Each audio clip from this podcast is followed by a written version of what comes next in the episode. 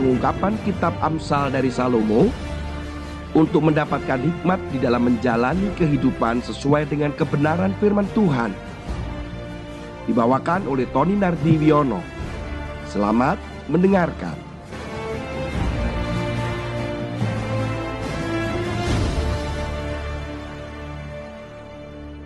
Shalom Bapak Ibu sekalian, kita masuk di dalam pembacaan firman Tuhan hari ini pada kitab Amsal pasal yang ketujuh ayat yang ke-19 sampai 20. Demikian firman Tuhan.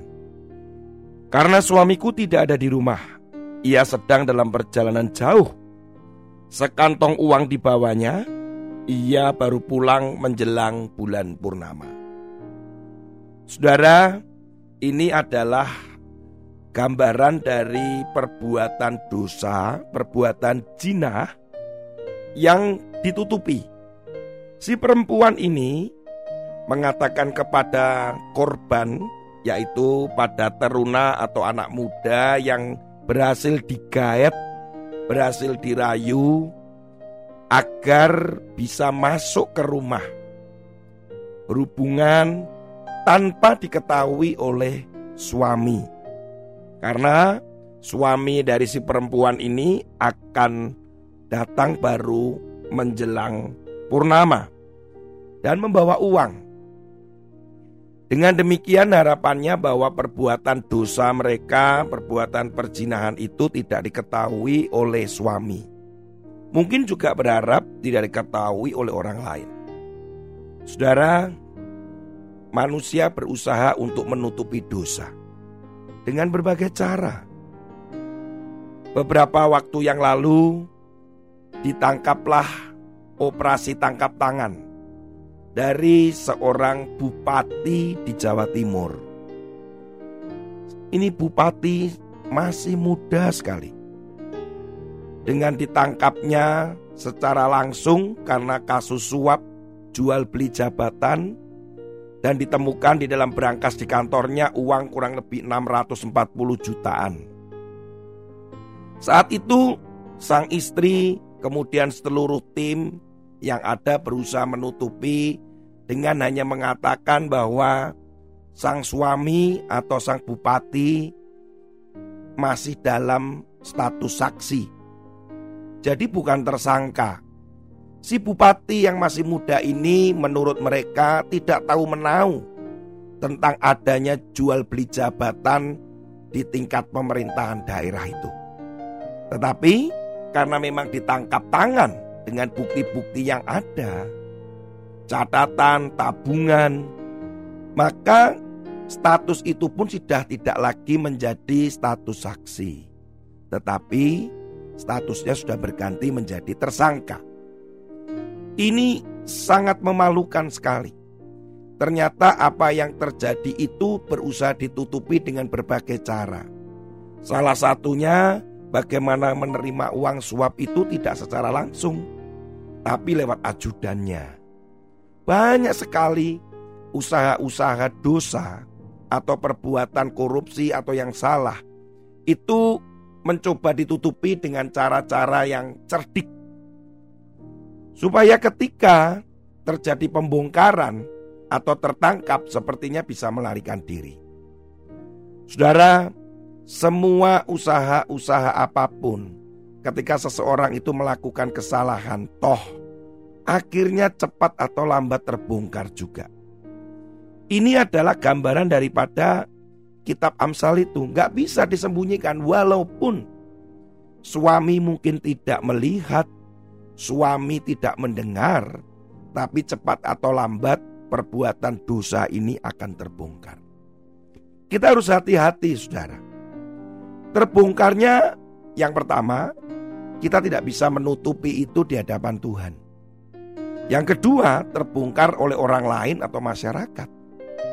Cepat atau lambat, bahkan orang yang dianggap paling rohani pun, orang yang menjadi teladan pun, itu bisa menjadi batu sandungan ketika terbongkar perbuatan-perbuatan dosa atau kesalahan itu. Seharusnya segera harus diakui bagaimana diperbaiki. Mungkin kalau hamba Tuhan mengalami atau melakukan sabatikal atau kemudian dengan segala konsekuensi dan tanggung jawabnya. Di kota kami, di Surabaya, beberapa tahun yang lalu terbongkar di mana sebuah panti asuhan yang notabene adalah berisi anak-anak di situ. Ada bapak dan ibu panti yang baik sekali saya dengan istri saya juga mengenal mereka berdua. Tahu karena pernah berkunjung ke sana. Kami pernah melakukan kegiatan di situ. Tetapi dalam beberapa tahun kemudian kami sangat terkejut karena terbongkar bahwa ada pelecehan pada anak-anak yang dilakukan oleh Bapak Panti. Itu kami sangat kaget sekali karena tidak mungkin secara perawaan bagaimana berkomunikasi dengan pelayanannya rasanya itu hal yang tidak mungkin. Tetapi terbongkar juga karena sebuah wawancara yang dilakukan oleh beberapa orang salah satu komite di sana.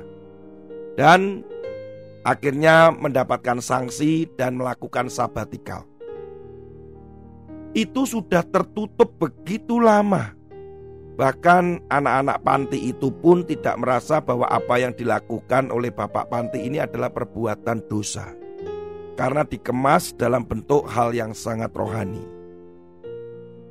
Lain lagi, di Surabaya juga beberapa waktu lalu terbongkar seorang hamba Tuhan yang melakukan pelecehan pada seorang anak saat anak ini masih kecil dan terbongkar baru beberapa waktu yang lalu. Sehingga hebohlah jemaat kota Surabaya termasuk saya. Karena hamba Tuhan ini pun sempat menghubungi saya untuk minta didoakan dukungan doa. Saudara, apa yang ditutupi yang bertahun-tahun itu terbongkar hanya dalam waktu hitungan hari dan semuanya berbalik. Hari ini saya mencoba lewat di depan gerejanya. Saya dengan istri sungguh sedih karena tercerai berai jemaatnya. Apa yang menjadi mimpi visi dari Bapak Ibu Gembala ini tampaknya runtuh. Kemudian mengalami cercaan tekanan. Karena saya juga bertahun-tahun melayani juga ketika melayani untuk membawakan firman di sana. Saudara, sepertinya aman, ditutupi dengan rapi. Sehingga ada satu pepatah pernah mengatakan sepandai-pandainya kelinci melompat, akhirnya bisa jatuh juga. Sepandai-pandainya kita menutupi bangkai, akhirnya juga terbau juga. Ibrani pasal 4 ayat 13. Dan tidak ada suatu makhluk pun yang tersembunyi di hadapannya sebab segala sesuatu telanjang dan terbuka di depan mata Dia, yang kepadanya kita harus memberikan pertanggungan jawab.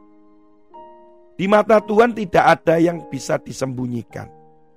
Kita bisa menyembunyikan perbuatan dosa, perbuatan kesalahan, perjinahan, korupsi, apa pun mungkin manusia bisa kita tipu dengan penampilan kita, dengan tutur bahasa, dengan reputasi sepertinya, dengan jabatan, status. Tetapi tidak bisa selamanya bisa disembunyikan. Itu harus dipertanggungjawabkan. Jadi saudara, sebelum melakukan atau sebelum kita jatuh dalam godaan, sebaiknya dan seharusnya lah kita mohon Roh Kudus untuk selalu memberikan alarm yang memang semestinya memang demikian. Tetapi sering kali kita mengabaikan alarm itu, peringatan itu, firman itu. Di dalam Alkitab kita ada sejarah yang pernah mencatat itu. Kita lihat bagaimana Gehasi. Gehasi yang menipu, yang berbohong, dan menyembunyikan harta peraknya di dalam rumahnya. ketika ditanya oleh Elisa, "Kamu ke mana?" "Oh, aku tidak ke mana-mana." Saudara, Gehasi sedang menyimpan barang-barang harta di rumahnya dari hasil kebohongannya dia dan dia minta itu kepada Naaman. Naaman tidak salah karena Naaman tidak tahu. Kemudian Gehasi mendatangi Naaman untuk meminta upah tanda petik yang seharusnya menurut Gehasi pantas untuk didapat oleh Elisa. Elisa menolak itu, tetapi Gehasi mengambil kesempatan itu untuk dirinya. Dan ketika ditanya oleh Elisa, sebenarnya ada kesempatan untuk dia jujur. Tapi dia menutupi itu. Kisah ini ada di dalam dua Raja-Raja pasal 5 ayat 22 sampai 27. Saudara tahu akibatnya? Kusta. Itu adalah akibat daripada dosa yang ditutupi tapi tidak diakui. Hal yang lain di dalam 1 Samuel pasal 15 ayat 13 sampai 15 yaitu tentang Saul. Saul juga menutupi ketika perintah Allah lewat Samuel saat itu untuk menghabisi orang-orang Amalek termasuk rajanya, laki-laki, perempuan, anak-anak, bahkan jarahan tidak boleh dibawa atau diambil. Tetapi ketika Kemudian Samuel menanyakan kepada Saul, kembali Saul sepertinya menutupi itu. Dia tidak mengakui bahwa Raja Amalek dibiarkan hidup, kemudian binatang-binatang itu dibiarkan untuk dijarah dan dibawa kembali oleh orang-orang Israel, bahkan dengan alasan yang sangat rohani untuk korban bakaran, saudara.